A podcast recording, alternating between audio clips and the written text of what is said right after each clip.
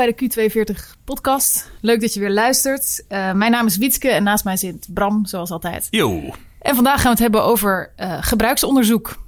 En dat doen we met twee gasten, namelijk Miel de Zwart van Valsplat en Rolf-Jan de Vries van Q42. En we beginnen even bij jou, Miel. Kun je even jezelf voorstellen en ook vertellen wat Valsplat eigenlijk is? Ja, Valsplat is een um, design consultancy bureau. Uh, we bestaan uh, uh, al bijna 20 jaar. En ja, we, we, we helpen mee geweldige applicaties te bouwen die, die van waarde zijn voor gebruikers. Zo. Maar ik ken jullie van oorsprong voornamelijk als een usability onderzoeksbureau. Ja, ja en dat, is, dat doen we nog steeds. en dat is ook nog steeds wel core business. Maar uh, wat we wel proberen is om uh, wel een beetje het stigma van ons af te uh, werpen dat we alleen maar usability testjes knallen. Want dat, dat was misschien ooit wel het, het meeste wat we deden, maar dat is al lang niet meer zo. Het is niet meer de core business. Nou ja, ik zou niet, ik zou niet willen zeggen dat we.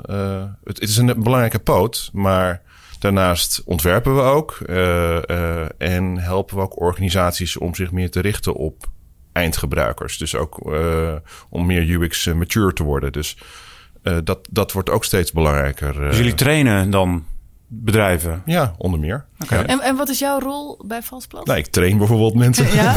En wat voor training moet ik dan aan denken? Nou, ik, ik, ik geef bijvoorbeeld trainingen in uh, het zelf uitvoeren van usability onderzoek. Dat lijkt uh, een beetje tegenstrijdig voor een bedrijf wat onder meer zelf usability onderzoek ja. uitvoert. Maar wij denken dat als wij uh, klanten helpen om hun eindgebruikers uh, vaker te zien en te spreken, dat ze daarmee ook gewoon beter worden en meer user-centered design gaan leveren. En dat ze dan ook met, met meer complexere vraagstukken op ons afstappen. Dus dat maakt ons werk alleen maar leuker. Ja. ja. Want dan krijgen jullie de moeilijke klussen, ja. of zeg maar de uitgebreidere. Ja. ja. En wat is, jouw, wat is jouw achtergrond? Ben je zelf een ontwerper? Uh, ook, ja, ik, ik ben uh, theaterwetenschapper van uh, oorsprong. en ik heb natuurlijk bedacht waarom het heel logisch is dat je dan usability consultant wordt. Want als theaterwetenschapper was ik heel erg bezig met ja, dat, dat theaterstuk te duiden en na te denken over hoe dat bekeken zou gaan worden. En op zich, ja, hoe een applicatie of een website gebruikt gaat worden dat, dat zou je als, een, als eenzelfde vraagstuk ja. kunnen, kunnen zien. Grappig. Ja. Grappig. En waarom heet vals plat vals plat? Ja, dat is zo'n wielerterm. Hè? Dus uh, je, je, je gaat langzamerhand, uh, stijg je de heuvel op, maar je hebt niet in de gaten dat je aan het stijgen bent. Ja, maar heeft je bij mij een het... hele negatieve connotatie. Ik ga altijd helemaal stuk op dat soort stukken. maar, ja, maar dat, ik, dat ik, was vast niet de ik bedoeling. Heb, ik heb niet nee. bedacht, hè? ik heb niet bedacht. Maar nee, uh, uh, nee dat, dat, dat, het, het gaat erom dat je, dat je het idee krijgt van... hé, hey, ik, ik heb toch wel wat hindernissen ben ik tegengekomen in het gebruik van deze website. Maar waar nou precies zat... Ah, precies. Ja, ja. Dus uh, ja, ze zijn meestal verborgen, de usability issues. En uh, wij helpen ze uh, ja, inzicht te, te brengen. Ja. ja. ik snap het. Naast jou zit uh, Rolf Jan. Rolf Jan werkt bij Q42, front-end developer onder andere. Um, maar hier vandaag omdat jij ook een van de initiatiefnemers achter ons gebruikstestprogramma bent. Kan je daar iets over vertellen? Ja, nou ik ben niet helemaal de initiatiefnemer. mijn collega Johan Huikman heeft uh, zogenaamde RUFT, uh, Real User Feedback Thursday, opgestart bij uh, QT40. En dat is een tweemaandelijkse gebruikerstest. En die vindt plaats met vijf projecten en met vijf gebruikers. En die, hebben, die gebruikers hebben dan een speeddate met die projecten van 15 minuten. En daar kun je kleine dingen in, in testen. En voor de projecten is het handig om de gebruiker beter te leren kennen. En voor de respondenten die komen, die vinden het ook heel leuk, want die zien vijf nieuwe projecten vaak uh, even in een, in een vogelvlucht. Dus die vinden het vaak uh, heel leuk om te doen. En waarom en, zijn we daarmee begonnen? Wat, wat was de aanleiding? Nou, bij Q vinden we altijd dat we goede dingen moeten maken voor de gebruiker. En vaak in discussies tijdens het bouwen hoor je wel van ja, maar ik denk dat het zo moet. We hebben altijd een heel uitgesproken mening over hoe iets moet werken.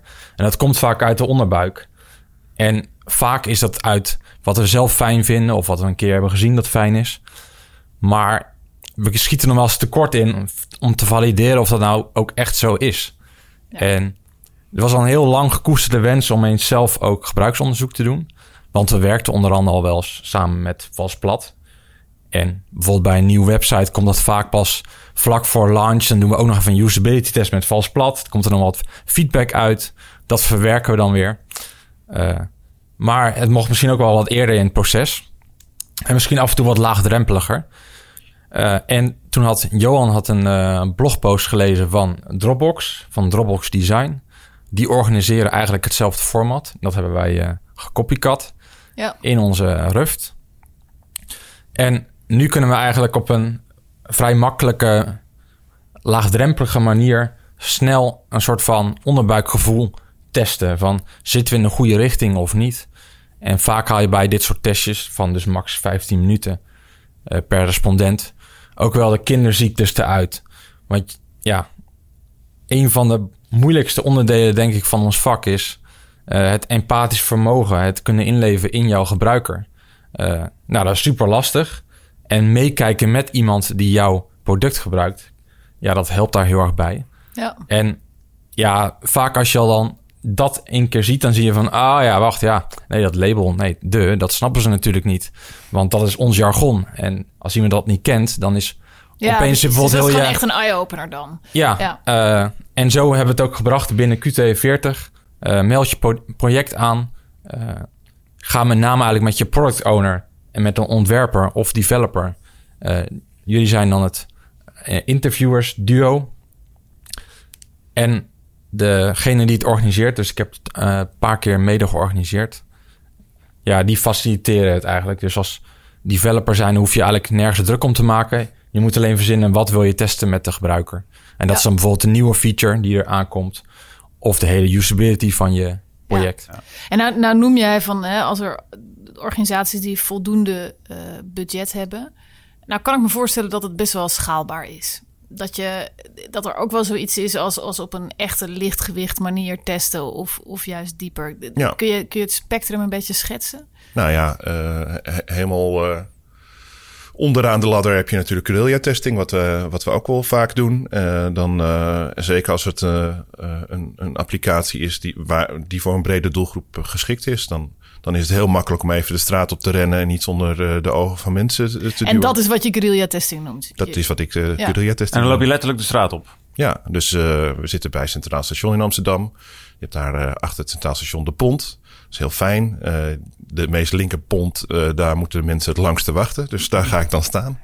Niet nu, want eh, het is nu eh, wat regenachtig buiten en wat kouder. Dus dan is dat niet een goed moment. Eh, maar je kan nu bijvoorbeeld ook heel goed bij Utrecht CS staan. Daar heb ik voor de Zilverkruis Achmea, toen ik daar een tijdje werkte, heb ik op Centraal Station van Utrecht gestaan. Het is een prachtig hubstation, want daar moeten mensen vaak voor hun overstap lang wachten. En eh, die zitten dan op die bankjes daar en die zijn prima aan te spreken. En sta heb je dan papier bij je? Of een, of een echt prototype? Of een laptop? Eh, dat, dat kan allebei. Dus je kan, ja, ik heb, daar, eh, ik heb daar voornamelijk gestaan met een prototype op mijn mobiel. En ja, ik was daar en de designer was, was daar. En we spraken dan samen zo'n respondent aan. Ja. En nou, verbazend uh, wekkend vaak uh, zeggen mensen dan ja. Als je dat op de juiste manier, open manier aanpakt, dan hebben de meeste mensen wel even vijf minuutjes of tien minuutjes tijd om naar je prototype te kijken. Ja. En, uh, en hoeveel doe je er dan achter elkaar?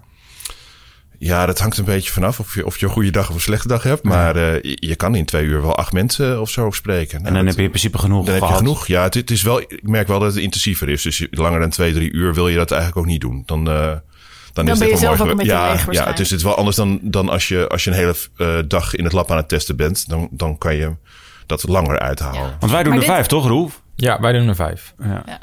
En dat is dan eh, ja, ongeveer een twee uur tijd met pauzes eh, tussendoor. Maar dat zijn mensen die je dan ook uitgenodigd hebt. Ja, we, we maken gebruik van een eh, respondentendienst, respondenten.nl. We kijken vaak naar de projecten die zich aanmelden. En Ja. soms sturen we ook al een beetje in die richting. Bijvoorbeeld hebben we een test gedaan waar bijna alleen maar musea, websites of apps bij betrokken waren. Mhm. En dan vragen we al bij respondenten om een groep te nemen die bijvoorbeeld mensen hebben die vaker dan twee keer per maand naar musea gaan, bijvoorbeeld.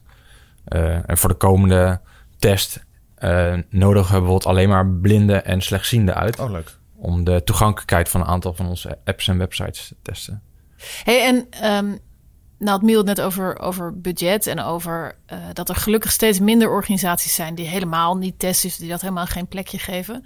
Toch, als ik nadenk over de projecten bij ons die dan in zo'n Ruft meedoen, heel vaak, mijn indruk is, is het dat het voor PO best lang geleden is dat hij echt uh, testen heeft gezien en gedaan. Is het, onderschrijf je dat? Zie je dat ook?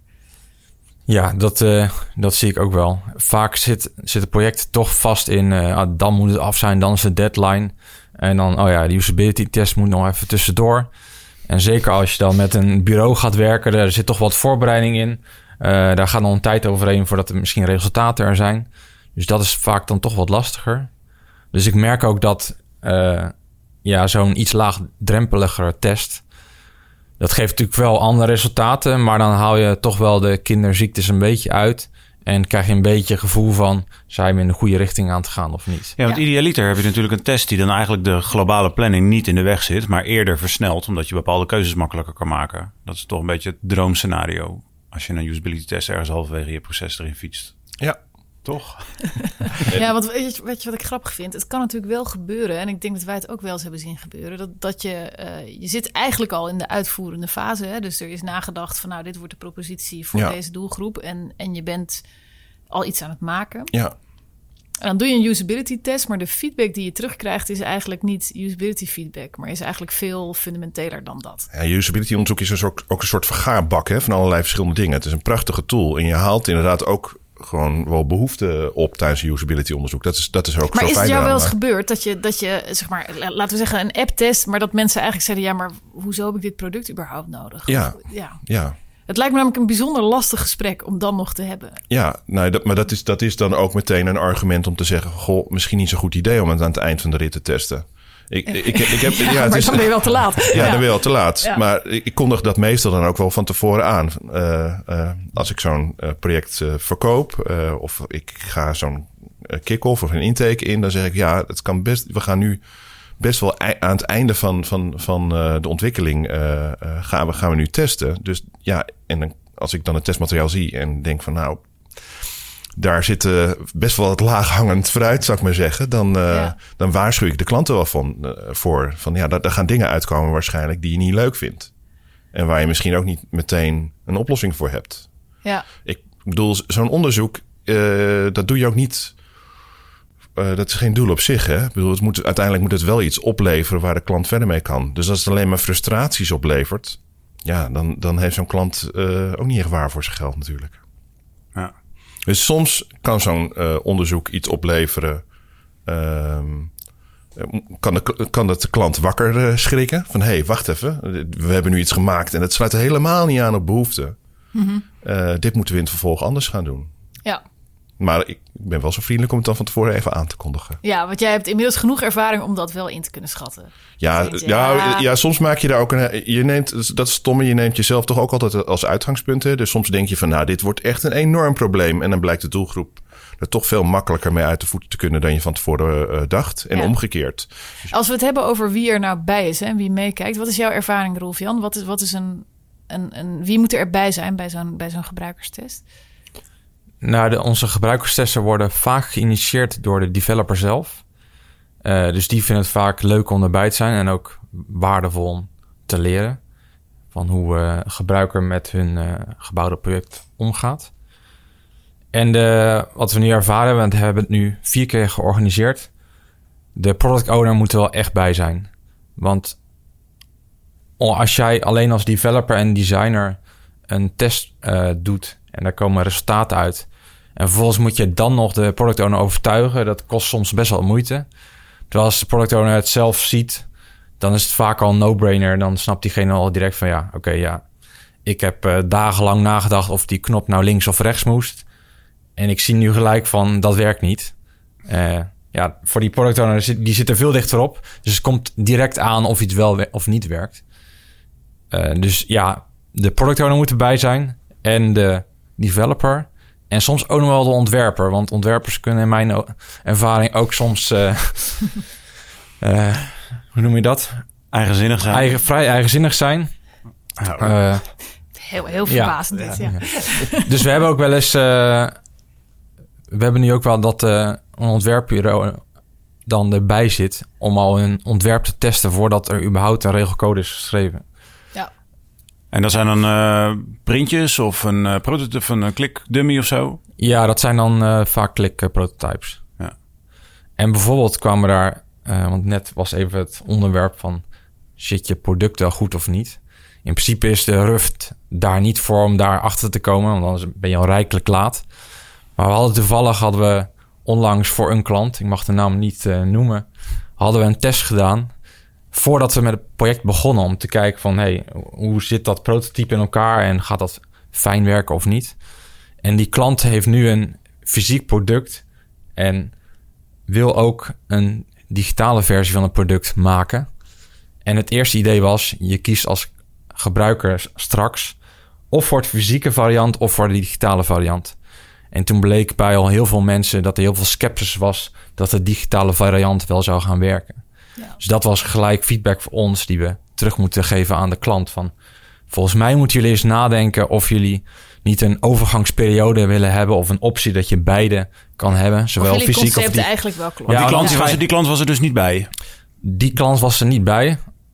Want ja, het, wa- het was zo'n fase dat wij zelf eigenlijk wilden valideren of ons concept, en dat was dan ons samen met het ontwerpbureau eigenlijk wel goed eh, was en of het goed werkte. Bovendien was ook intern politiek misschien een beetje gevoelig om dat al eh, Ja. met de klant eh, erbij te testen. Ja. Zonder dat er nog eh, facturen betaald waren of eh, überhaupt. eh maar nou, ik, snap heel goed dat jij zegt een, een product owner eh, moet erbij zijn. Want de impact als je het zelf ziet versus het rapport leest. Ja, je neemt het altijd op, maar wie kijkt er echt naar die video's? En ook hoeveel indruk maken die versus er toch gewoon zelf bij zijn en het op dat moment zien. Ehm, dus dat is super belangrijk. Daarna ben je natuurlijk wel overgeleverd aan hoe goed zo'n eh, product owners en stakeholders eh, dan weet te overtuigen. Want die zijn dan ook, ja, die krijgen alsnog tweedehands informatie. Heb jij, heb jij ook wel stakeholders, dus een bredere groep erbij, Miel? Een, een, Ja. Eh, Zitten jullie nog steeds met die spiegel, met die doorkijkspiegel? nee, we hebben geen doorkijkspiegel. Nee, dus je, die, die, eh, dat lab zit echt even op, op afstand. Eh, en je kijkt dan eh, via een grote beamer kijk je mee. En zie je... Dus de respondent zit in een soort huiskamertje, Ja, camera's erop. ja, En een hok ernaast zitten. Ja, ik heb ook wel eens in, in de labs van klanten getest eh, achter zo'n spiegel. Maar ik ben, ben er niet zo voorstander van. Omdat het toch vaak toch nog een beetje stiekem doorklinkt. Ik heb één keer meegema- meegemaakt dat, eh, dat ik, eh, terwijl ik aan het interviewen was... eh, dat ik ho- gelach hoorde uit de, uit Ja, de meekijkruimte. En het- dan kan je, kan je het interview wel stoppen. Ja, Ja. ja. Maar nee, het is heel erg belangrijk om, eh, om, om ervoor te zorgen dat die mensen er zijn. Dat de juiste stakeholders aanwezig zijn op zo'n veldwerkdag. eh, al is het maar voor twee sessies. Eh, soms eh, testen we ook wel op locatie bij klanten. Of dat doen we eigenlijk best wel vaak. Ehm, en dan zeggen we ook wel, eh, fijn als de CEO komt. Maar ja, probeer hem toch echt wel voor twee sessies te strikken. Want anders gaat hij, als hij tien minuutjes kijkt, dan, loopt hij weg. helemaal met, anekdotisch, met- ja, ja. ja, dan loopt hij met de verkeerde indrukken weg. Het is echt belangrijk om, om verschillende gebruikers achter elkaar te zien. Ehm, maar er zijn wel andere manieren om toch te proberen om eh, mensen te betrekken bij gebruikerstesten. Dus eh, we maken veel highlight video's. We hebben een eigen software eh, platform waarin inzichten, gebruikersinzichten worden gezet. Dat is Sticktail. Ehm, dat verkopen we ook als dienst. Dus kunnen, kunnen wij, maar ook andere onderzoeksbureaus kunnen daar hun, eh, hun gebruikersinzichten in zetten. En dat is ook een soort van eh, platform waarmee je een heel bedrijf kan, eh, kan betrekken en de verhalen over gebruikers en wat ze meemaken kan overbrengen. Want het gaat uiteindelijk om dat mensen kunnen, zich kunnen vereenzelvigen met die gebruiker. Zeker bij grote organisaties is de band met eindgebruikers vaak heel klein. Je hebt vooral interne Ja. Eh, klanten, maar vaak geen externe. Je spreekt me- meestal geen externe klanten meer. Nee. Dus eh, ehm, dan is vaak eh, heel belangrijk dat je, dat je die eindgebruiker weer laat zien. Op wat voor manier dan ook. De Ja. kleine mini-docu's, highlight-video's. Ja, en ik kan me ook voorstellen, zeker bij grote bedrijven. Je, je doet misschien een onderzoek voor één afdeling of productunit of, of hoe dat dan ook heet. Ehm, maar daar kunnen eigenlijk veel meer mensen meekijken, want het is we- wellicht voor veel meer mensen nuttig. Andere teams, andere afdelingen. Ja, ja. ja, En dat proberen jullie dan ook te delen. ja. Ja. Ja, dat, dat kan ook echt een hele concrete vraag zijn van, eh, van een klant. Nee, ik, vond, ik vind het wel leuk wat je vertelt over die, over die Ruft. Want we, hebben, we, doen dat, we zouden dat ook wel graag vaker willen doen. Eh, dat, we, dat we met de klant ook eh, eindgebruikers spreken. Ik heb dat nu Ja. één keer gedaan voor Dela. Dat was heel leuk. Die zitten dan in Eindhoven en die hebben een soort van Starbucks aan hun kantoor vast. En Ja. daar hebben we eh, respondenten uitgenodigd. En ik ben dus samen met iemand van Dela daar eh, En wat, mensen wat gaan interviewen. Dela? Dela is verzekeraar Oké. en een uitvaartverzekeraar. En Ja. dat zijn dan hele bijzondere interviews die je, dan, die Ja. je dan hebt. En dat in één keer sla, sla je die brug over. Of eh, ehm, eh, kan, je, kan je dus eh Dela-medewerkers echt direct met klanten laten spreken. En eh, dat is dus heel anders dan dat ze alleen maar mij op een afstand zien, zien interviewen. Ja. Dus dat, dat was heel waardevol voor iedereen. Ja. ja, ik herken wel heel erg dat je in grote organisaties als product owner of als product manager wel heel erg de band met je klant kan kwijtraken. En dat, dat is best wel bizar, want dan, dan je gaat over producten. Ik heb zelf heel lang bij Philips gewerkt en ik merkte daar dat je, je ontwikkelt producten, maar dan zit er nog een sales team die ze verkoopt en, en dan pas zit er je klant. Ja. En dat sales team zit er vaak helemaal niet op te wachten dat jij meegaat.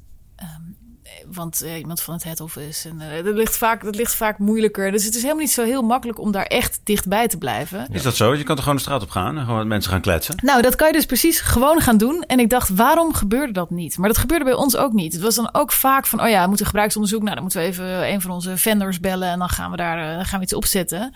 Maar dan kom je inderdaad meteen tegen, oh nou, ja, daar moet je wel even budget voor hebben. En, ehm, en het stomme was dat ik zelf ook eh, nou ja, ervaren heb dat je dan dus best een behoorlijke drempel hebt. Terwijl, wat, en dat is nu zo leuk van, dat vind ik aan Rust leuk, maar ook aan wat jij vertelt over guerrilla testing. Ja, eigenlijk, je moet, gewoon, je moet het gewoon in je agenda zetten en gewoon doen. Ja. Ja, Hoe eng het ook is. Maar je, het moet, maar er zijn wel wat voorwaarden voor nodig. Hè? Want je, het moet niet eh, ten koste gaan van al die andere werkzaamheden. Dus je, je het moet prioriteit krijgen. ja, Eh, dus je baas moet, ook, moet het ook belangrijk vinden dat je de straat op gaat. Ja, Ehm, en je moet niet heel erg lang bezig zijn met eh, dingen voorbereiden of resultaten uitwerken. Want daar, daar word je alleen maar chagrijnig van. Dan, dan is het niet meer leuk. Dus Nee, maar dat is wel, weet je, als jij bijvoorbeeld zegt, nou, we maken een highlights video, dan denk je, ja, superleuk. Maar ja, maar dat doet, dat doet die klant niet. Maar dat, dat doen wij dan Ja, weer. Want die, die klant die gaat, eh, gaat daar de moeite niet voor doen. Nee, En dat doen we ook niet eh, in alle gevallen. Ik bedoel, dat Ja. kost, kost, kost ons ook weer tijd, dus het kost ook weer geld. Ja. Maar in sommige gevallen is het gewoon, als, je, als je vijf clips van een minuut hebt, dat eh, maakt meer impact dan dat je eh, vijf eh, sessies van een uur aan die klant geeft. ja, want die worden gewoon niet gekeken. Nee. Nee, nee dat snap ik. Ik weet dat als ontwerper is het ook best wel eng om je ontwerper te laten usability testen. Omdat ze in principe gaan ze natuurlijk gewoon keihard gaten schieten in. je denkt helemaal slim te weten Ja. hoe die interface moet werken. En dan eh, de eerste, de beste, die klikt al helemaal op hele andere dingen dan dat de bedoeling was. Ja. En, dan, eh, en dan zie je het onderuit gaan. Ehm, jullie ontwerpen zelf natuurlijk ook. En testen dan vervolgens je eigen ontwerp. Ja, Doen jullie dat zelf? Of doet dan een collega dat? Of hoe? ja dat, dat doet meestal een collega inderdaad. Ehm, ik, ik vind dat zelf, eh, heb ik wel eens eigen ontwerpen getest? Niet, nee, niet zo vaak. Ben je dan bang dat je het anders gaat testen dan wanneer Nou, iemand anders ontwerp zou ik, zou, testen? ik zou daar zelf denk ik niet zo last van hebben. Maar ik kan me wel voorstellen dat, eh, dat, dat het in sommige gevallen niet zo handig is. Maar het is, het is, het is, het is vooral hoe lang heb je, heb, je, heb je aan dat design gewerkt? Kijk, als je, Hoe als hard je, heb je je gemaakt voor die button? Ja, kijk, als je, als je een Google Design Sprint eh, doet van een week... en aan het eind van die week ga je je, je belachelijke ideeën even voorleggen aan gebruikers... en kijken wat, eh, hoe dat valt. Nou ja, weet je, dan, dan heb je nog niet... eh, eh, er heel veel eh, in geïnvesteerd. En dan is het eigenlijk wel grappig, grappig om te kijken wat die gebruikers er dan mee doen. Maar als je ergens drie maanden aan hebt gewerkt. Je ziel en En, en zaligheid. ziel en zaligheid. Je gaat dan eens een keer testen. En dan blijkt dat, het- dat het niet of helemaal niet aansluit. Dan, ja, dat is verschrikkelijk. Dan is drie maanden werk is, eh, eh, heb je dan... eh, Nou ja, plus dat je dan zelf gewoon echt niet meer objectief naar kunt kijken. Nee, dan, ik, nee. merk dan ga je bij jezelf, dan ga je proberen uit te leggen waarom je dingen hebt gedaan of zo. Ja, dat, is natuurlijk, dat mag natuurlijk gewoon echt niet in een gebruiks. Het is gewoon helemaal niet relevant. nee, dus ik Alleen, zou in zo'n situatie... Het, het verdedigingsmechanisme schiet dan ja, aan, zeg ja, maar. nee, dat, dat. Dus dat snap ik helemaal. Dus dan is het niet zo handig om, dat, eh, om je eigen vlees te keuren, zeg maar. ja. En ik vind het interessant dat jullie wel allebei doen. Mhm. Ehm, want er zijn natuurlijk ook wel schools of thought die zeggen... nou, weet je wat, je, kunt ook ervoor kiezen... om alleen zeg maar, de problemen te observeren en Ja. in kaart te brengen... en dat- dan full stop. Dat hebben we nooit gedaan. Dus we, Nee. en daarom is het ook, ja, het, het is eh, toegepast onderzoek. Dus er, er komen bevindingen uit. En wat de klant eigenlijk ook doet, nadenken over eh, wat, er, wat er dan vervolgens moet gebeuren. Daar helpen we graag aan mee. Dus we maken graag onze handen vuil wat dat betreft. Ja, Maar wel, eh, we zeggen niet van dit is de oplossing. Het is een oplossing die je vervolgens ook weer moet uitwerken en weer moet toetsen. ja. Ehm, net zolang dat je het gevoel hebt van... hey, ehm, ja, we hebben nu iets wat, wat optimaal gebruikersgemak met zich meebrengt. Ja. Dus ik zie, ja, dat kan je valideren noemen... maar ik, ik vind dat meer geïnspireerd eh, ontwerpen. Dus je, Ja. je, je eh, maakt iets, je legt het voor, je leert ervan... en vervolgens eh, ga je weer verder.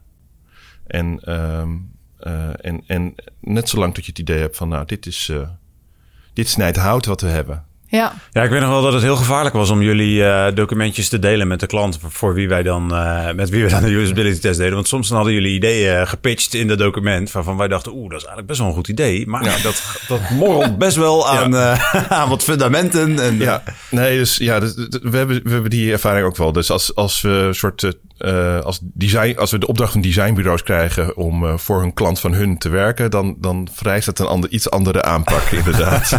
maar dat, we vinden wel moeilijk om dat uit te zetten bij ons. Ja, zeg dat maar, snap ik, om ja. daar- maar eh, ja, dus dat, eh, dat wordt, ik weet dat het niet altijd op prijs wordt gesteld. ja. Rolf Jan, hoe zorgen jullie ervoor dat mensen... want, want hè, in, in eh, de onderzoeken die wij doen is het juist wel de bedoeling... een van de ideeën is juist dat je de developers dichter bij de eindgebruiker bre- brengt. Dus dan gaat het wel om je eigen product. Ehm, hoe, hoe zorgen jullie dat mensen eh, daar toch enigszins objectief ingaan... of in ieder geval interviewen op een manier die dat, ja, die dat weerspiegelt? Nou, als de projecten zich eh, aanmelden hebben voor mensen die nog niet eerder hebben gedaan, organiseren we nog een aparte sessie om eigenlijk in het kort uit te leggen hoe je dan zo'n interview doet met iemand en wat je ook niet moet doen. Ja, Dus, en daar komen dan onderwerpen in van, nou ja, altijd vragend blijven stellen en eh, niet je eigen mening eh, vertellen en vooral doorvragen, soms stil te laten vallen, soms ook weer niet. Allemaal dat soort kneepjes. Ja. En ik denk dat dat ze wel, eh, wel leert. En ik heb nog niet meegemaakt bij die rufts dat er iemand was van... Ja, maar nee, maar die eh, gebruikers die snappen het gewoon niet, maar het is nog steeds gewoon een goed idee. Nee, vaak is het zo. Dat is natuurlijk ook een heel extreem iets wat jij nu Ja. zegt. Maar ik, ik merk wel dat als je, als je, je...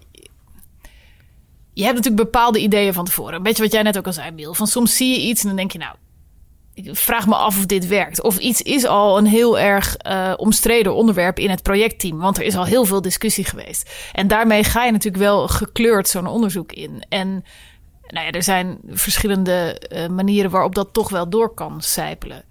Al is het maar in de formulering van een vraag of zo. Dat is best wel moeilijk om dat echt helemaal uit te zetten. Ja, het is, eh, ja, dat is zeker lastig. Eh, ik denk ook dat uiteindelijk het doel hier is meer de onderbuik checken van zitten we ongeveer in de goede richting. Ja, Dan het complete onderzoek doen, want daar hebben we juist bureaus voor als vals plat. ja, dus ik zie het meer als een ding waar je nou, de, de obvious dingen, de copy eh, die niet eh, begrepen wordt, iconen die niet begrepen worden, mensen die niet uit de hele flow komen van de app. echt, dat echt soort dingen- wel grote... Ja, of ja. bijvoorbeeld eh, wat vaak gedaan wordt, is nieuwe features checken. Van hé, hey, we hebben nu net iets gebouwd. Even kijken van, snappen mensen het? Vinden mensen het interessant of niet? Ja. En ja, daar zit altijd een stukje eh, subjectiviteit bij. Ja, dat, eh, dat is vrij lastig. Ja, Eh. wat, wat interessant is, vind ik, dat als je gebruiksonderzoek doet en de- je hebt dat kamertje waar iedereen zit mee te kijken, ehm, daar zit je soms best wel met een aantal mensen. En dan als je eh, na afloop even aan iedereen vraagt wat zijn conclusie of wat, wat, wat heb je gezien eigenlijk? Niet eens zozeer wat is je conclusie, maar wat heb je gezien? Ehm, je hebt allemaal naar hetzelfde gekeken En het, de kans is heel groot dat je allemaal iets echt heel anders hebt gezien. Hoe, hoe kom jij tot een consensus met zo'n groep, uh, Miel? Nou ja, verrassend genoeg uh, kost het nooit zoveel veel moeite. We, we nemen na elk interview, als we, als we in het lab testen, uh, na, nemen na elk interview nemen we even de highlights door. Wat hebben we gezien inderdaad? En er zijn er wel wat dingen boven komen drijven. Dat zijn soms ook wel verschillende dingen. Maar als we, dat, als we diezelfde vraag stellen aan het eind van die vijf of zes interviews, aan het eind van de dag, uh, en we vragen, nou, wat zijn nou echt de, de, vijf uh, belangrijkste uh, issues die we vandaag met z'n, met allen hebben gezien? Dan, gek genoeg, of het nou een groep is van twee of van tien mensen, daar, daar is weinig verschil van mening over. Um, en je hebt binnen, binnen een half uur heb je eigenlijk heb je die kern wel te pakken. En dat vind ik heel fijn. Soms Kijk, de volgende dag, als we dan nog een rapport erover over moeten schrijven, dan, dan, dan treden er soms nog wel eh, veranderingen op. Dan denk ik, goh, ja, het, ligt toch nog iets genuanceerder. Maar meestal blijven die vijf uh, of zes zaken die we met z'n allen hebben geconstateerd, die blijven wel overeind. Ja. Hoe beginnen jullie in uh, een interview eigenlijk? En dat ben ik ook wel benieuwd hoe jij dat doet, uh, Rolf. Want wat ik altijd grappig vind, is je hebt een soort van twee fases in, een onderzoek. Je hebt één is het, het, het hele scripted ding. Hè? Je geeft uh, de interface, je zegt nou uh, ga maar een paar schoenen bestellen. En dan bij Vals Plat weet ik dat jullie altijd dan aan, het eind dan loop je de kamer uit. En dan zeg je van nou ik ga nog even, of tenminste dat was vroeger altijd. Van we gaan nog even vragen. En dan wordt die respondent alleen gelaten. En dat vond ik altijd een super interessant moment, want dan ging die zeg maar heel natuurlijk gedrag vertonen. Ik heb een keer een respondent gezien die ging uh, een hele lap lipsum, uh, lorem ipsum uit de footer kopiëren en pasten in Google Translate om te kijken wat daar, uh, wat daar toch stond. Geweldig. Maar hoe, hoe beginnen jullie? want want die, die, die, die, die, die verse blik, die is natuurlijk, die kun je maar één keer gebruiken. Ja. Ja, dus, dus het is ook heel erg belangrijk welk, welk scenario je als eerste geeft aan zo'n respondent. hoe betreedt hij die website? Met welke intentie? Wat laat je hem doen? Dat is en zeker als het uh, een website is waar je misschien wel 10 of 15 taken op laat uitvoeren. Dat is nooit zo ideaal hoor. Maar nee. als het van die hele kleine, uh, als het echt gaat om kunnen mensen dingen vinden.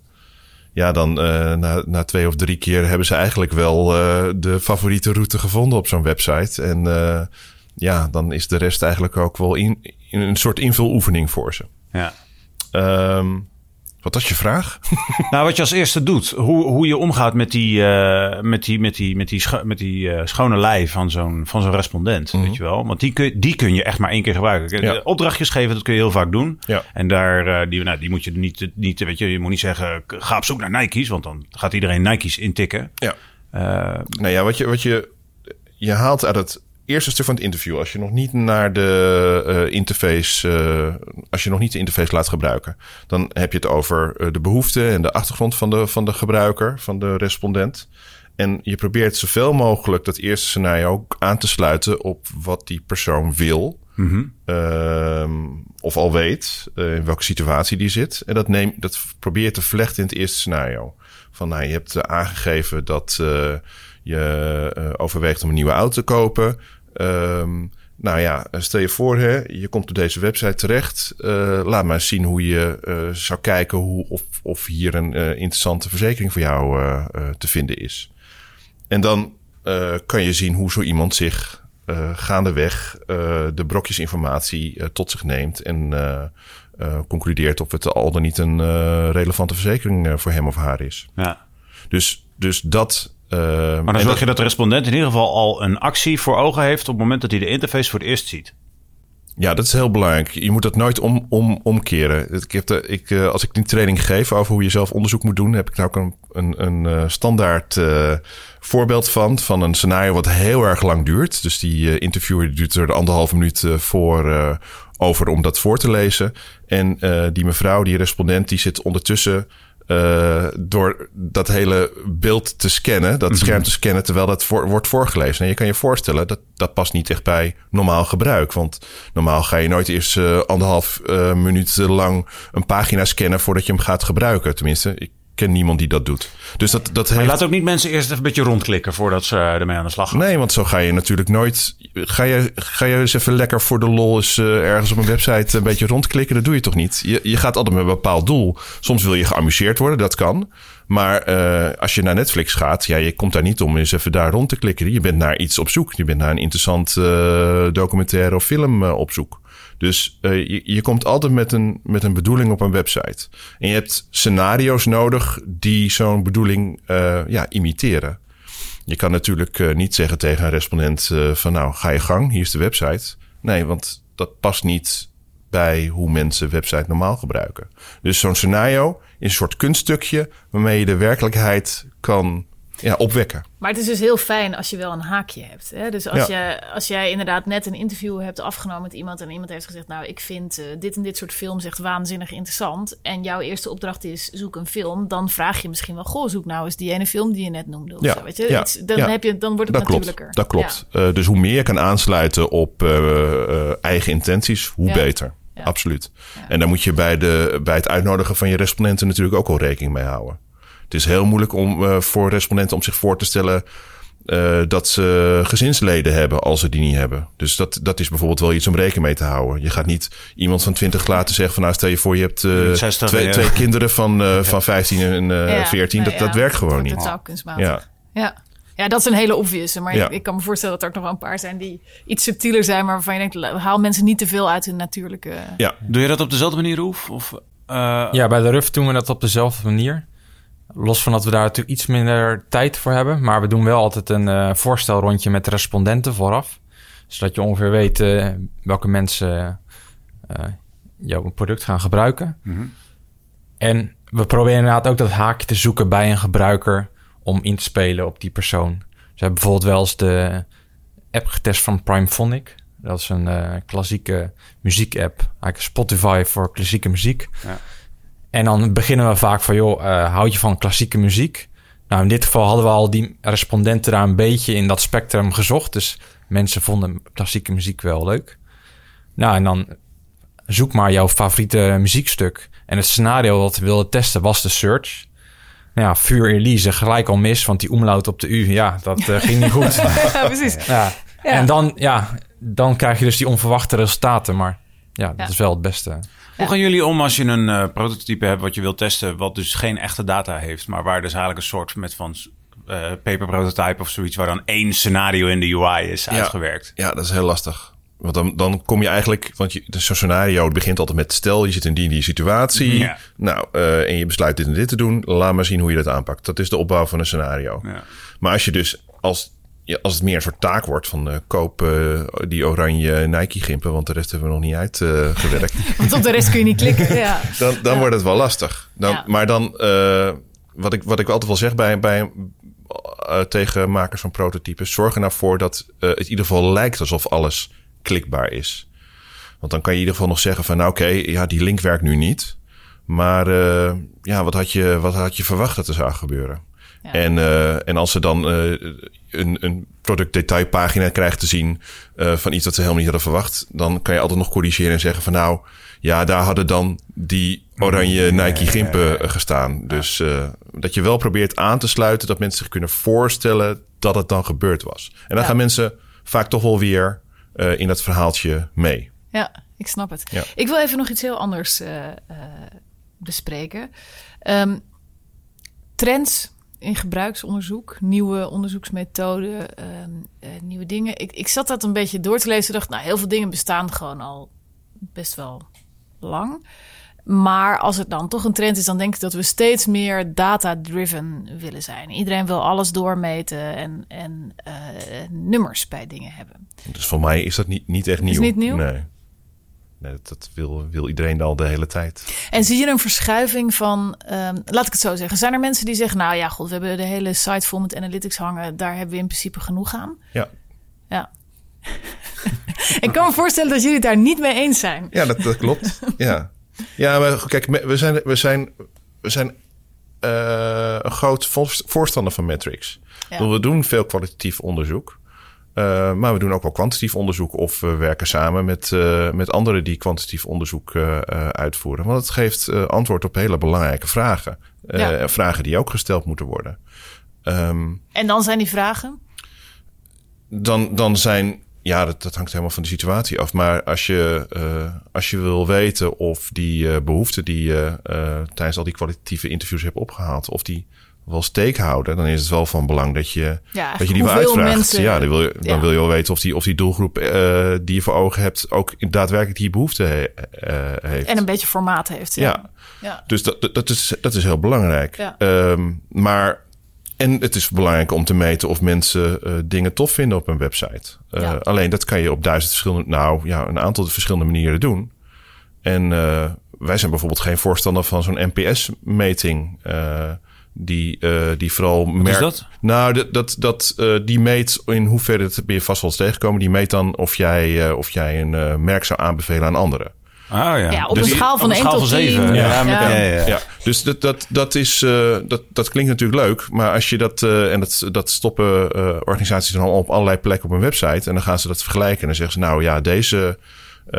deze flow die, die, die, die werkt nog niet goed, want daar is de NPS-score van omlaag gegaan. Maar het meet dus niet hoe, ment, hoe happy mensen zijn met, met het afrekenen van die oranje Nike-gimpen. Ja. Nee, het meet veel bredere dingen. Het is een marketing-instrument wat voor usability-doeleinden wordt, of user experience-doeleinden wordt ingezet. Ja. Dus uh, ja. Ja, dus mensen, mensen geven dan een, een cijfer, maar dat, dat is eigenlijk een hele merkbeleving. Ja. Alles wat daar omheen ja. komt. Dus, je moet, ja. dus, dus wij zijn wel kritisch op welk meetinstrument je op welk moment inzet en welke vraag je stelt. Uh, daar moet je zorgvuldig in zijn en je moet weten wat je meet. Ja. Uh, wat, wat vind je, kijk, vaak ga je natuurlijk ook funnelmetingen doen. -hmm. Dus dan ga je zeggen, nou, dit, dit, deze flow heeft een bepaald doel en willen gewoon per stap zien hoeveel mensen nog converteren naar de volgende stap. Ja, ja. Ja, dat is belangrijk. Uh, dus dat is een mooie indicatie van dat je weet van nou hier zit waarschijnlijk een probleem als daar heel veel mensen afhaken. Ja. Maar ja, er zijn ook andere meetinstrumenten van hoe lang mensen bijvoorbeeld op een pagina zitten. Maar om daar waarde aan te ontlenen, dat is, dat is bijvoorbeeld niet, niet zo'n heel slim idee. Want soms gaan mensen die uh, die terwijl ze bezig zijn, uh, uh, lopen ze even en gaan ze een kopje koffie voor zichzelf inschenken terwijl die pagina open staat. Ja, dat vertroebelt weer je data. Dus, nou ja, plus dat je natuurlijk ook absoluut niet weet, zit iemand hier nou heel lang omdat hij er gewoon niet uitkomt ja. of omdat hij het heel interessant ja, vindt. Dus die waarom-vraag, uh, ja. die wordt daarmee niet beantwoord. Dus, je, dus die, dat meten uh, dat moet je liefst ook vergezeld, uh, vergezeld laten gaan van, uh, met, met kwalitatief onderzoek, die meer die waarom-vraag beantwoordt. Ja. ja. Ja. en in mijn hoofd zit het dan altijd in volgorde van: oké, okay, je hangt, je zorgt dat je de juiste dingen meet, dat je de juiste metrics hebt, want dan weet je waar je dieper moet gaan om uit te zoeken van: hé, hey, waarom en hoe dan. Ja, dat, dat, maar, dat, maar het dat, kan ook andersom natuurlijk. Ja, ja, zeker. Ik bedoel, een, reden om, om te onderzoeken, om. Je, je, kan ook van tevoren zeggen van nou, wat willen we nou eigenlijk dit jaar bereiken?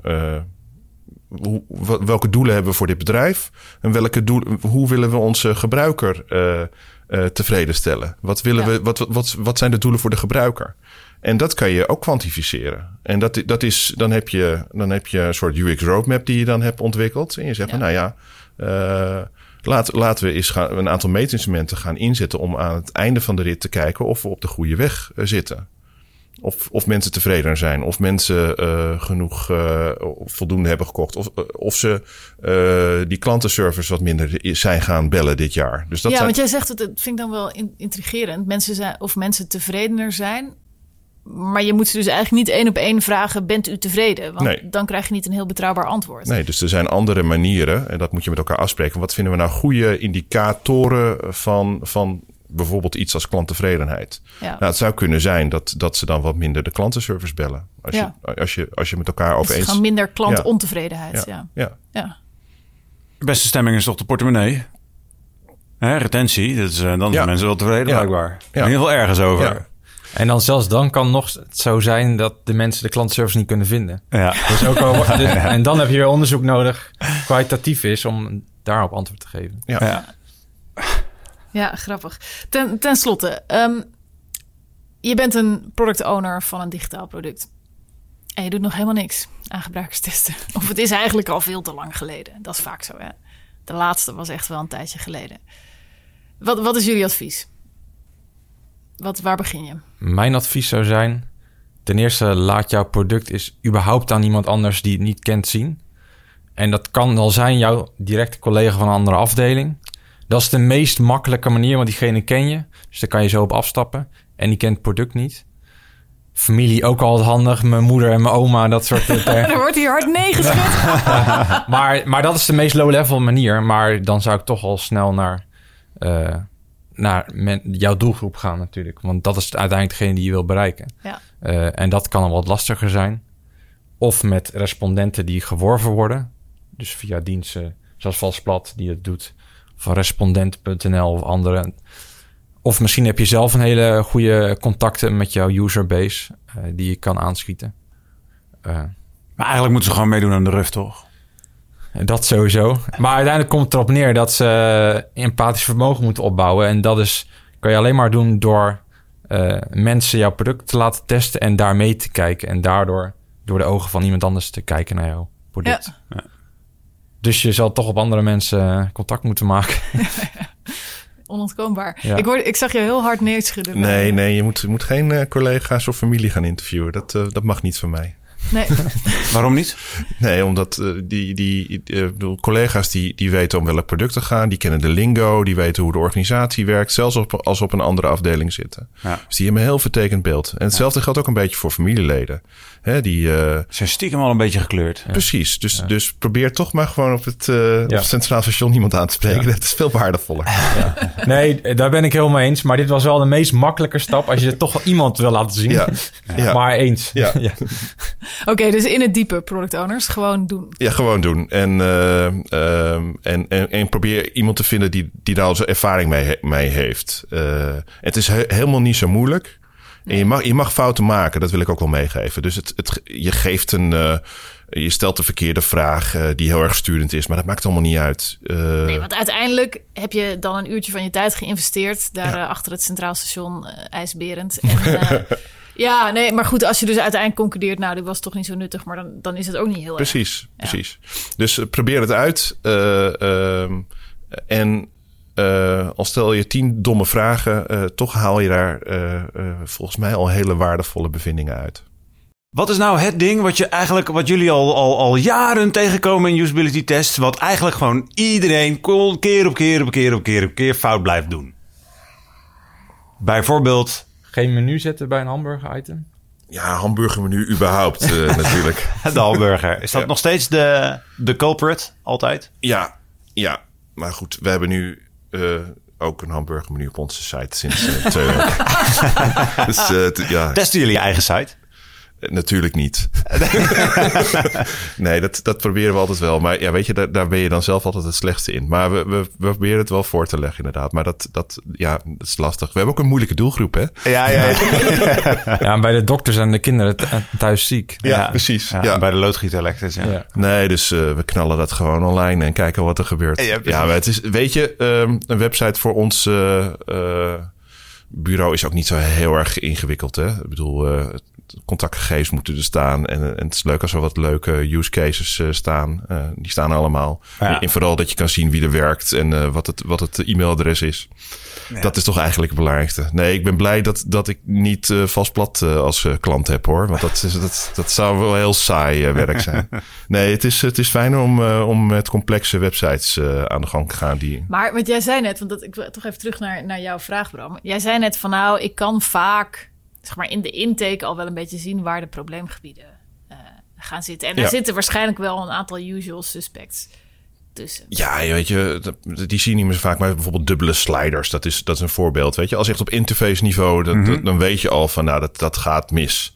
Een enkele slider was eh, tien jaar geleden moeilijk. Dat zijn mensen nu wel eh, gewend. Maar als je dus eh, een begin, een minimum en een maximum bereik moet instellen, dat gaat nog steeds eh Terwijl, terwijl de Zalando's en zo, die doen het allemaal. Ja, ja, ja, dat is opvallend. Maar dat zouden ze dus allemaal niet moeten doen. Ja, dat, denk ik niet. Nee, want ik zie dat toch elke keer weer, weer misgaan. Wat is een alternatief? Twee, drop, twee dropdowns. Dat is, een, dat is een mogelijkheid, maar dat hangt heel erg van, van, je, van je data af. Of dat, of dat makkelijk eh, Dat doet Funda, is. hè? Ja, ja, nou ja. Testen jullie vinden nog ja, steeds? Ja, Maar wacht ja. even, wat, wat, nu moet je even, volgens mij moet je een klein beetje context geven. Want hier zitten de UX'ers meteen over dubbele sliders. Wat, wat is een voorbeeld Als jij een van tot moet doen, de- hè, dus je gaat op zoek naar een huis en ik wil, eh, nou ja, ik, eh, ik hoef geen huizen te zien die minder kosten dan, eh, ik noem maar wat, eh, anderhalf of twee ton. Mhm. En ik wil ook geen huizen zien, ja, ik wil ze wel zien, maar ik heb er niet zoveel aan. Dus laat maar niet zien huizen duurder dan, I don't know, vier ton. Ja, Dus je wil binnen een range zoeken. Dan is het inderdaad eh 9 van 10 keer is de, de- het allereerste wat je dan gaat designen is een, is een slider met twee eh draggable eh jetsers. Eentje Ja. voor het minimum en eentje voor het maximum. En, dat, en, en sliders, dat leerden wij op school al. Sliders zijn lastig voor mensen. Maar dat, is, dat, dat valt dus eh, tegenwoordig wel mee. Dat is dus wel grappig. Hè? Dus Ja. iets kan een usability issue vandaag zijn en morgen niet meer. Omdat mensen langzamerhand aan die conventie gewend zijn. En nu zijn dubbele sliders lastig. Ja, Ja. waren ze toen ook al. Ja. Want die bestaan ook al zo... eh, ontzettend Misschien over tien jaar kunnen we eindelijk dubbele grappig dat je zegt dat mensen aan conventies gewend raken. Ja, maar dat betekent ook dat de mensen die zeg maar niet meegaan op die learning curve... daar wordt het ook steeds moeilijker voor. Of Ja. is dat niet zo? Ja, nou ja, dat, eh, ik vind dat, eh, dat is misschien een beetje ruim te zeggen. Ik ben vooral met digitaal bezig, maar ik vind het wel verontrustend hoe eh, dat we, dat we erop vertrouwen dat iedereen maar digitaal vaardig zou moeten zijn. Ik heb een eh schoonopa, die eh, wordt 1 januari 102. Die man heeft nog nooit een website gebruikt. En ik heb hem altijd als een soort referentiemiddel. En ik zie hem echt eh, af en toe zwoegen om iets gedaan te krijgen. Het wordt, het wordt vooral oudere mensen heel moeilijk gemaakt om, om zich te redden. En ik vind dat we daar dat je nooit moet vertrouwen op dat, dat digitaal het wondermiddel is wat iedereen maar moet bedienen, omdat je daar kosten mee uitspaart. Nee, het, het moet uiteindelijk ehm, moet je ook rekening houden met de mensen die de website niet zullen gaan gebruiken. Ja. En daar moet, je het, daar moet je het ook voor doen. Nou ja, dat is een beetje als op het moment dat jullie over dubbele sliders praten. Dan denk ik, oh, ik ken eigenlijk ook wel mensen die het al moeilijk vinden dat je met het kruisje iets dicht krijgt, zeg maar. Weet je, Ja. Bedoel, ja, dat is ook een Ja. niveau, zeg maar. Ja. En eh, ja, en dat zijn misschien wel meer mensen dan je denkt. Klopt. Nou ja, en eh, ik ben zelf 32. Als ik Snapchat open, ik heb het voor de grap geïnstalleerd, dan snap ik ook al niet gelijk hoe de interface werkt. Dus het zit ook aan de andere Maar kant van het weet ik spectrum. bijna zeker dat het on purpose is. Ik weet Ja. bijna zeker dat Snapchat zijn interface moedwillig ingewikkeld maakt voor Ja. mensen ouder dan 20. Ja, maar de huidige Snapchat-gebruikers kunnen wennen aan die patronen en vervolgens dat weer verwachten in nieuwe producten. Ja. Ja. Je weet niet hoe dat eh, evolueert. Ja. En dan lopen wij achter de feiten aan. eh, ja, precies. Oké, dan gaan we het er nu echt bij laten. All right. Dankjewel, jongen. alsjeblieft. Hartstikke bedankt. Dank.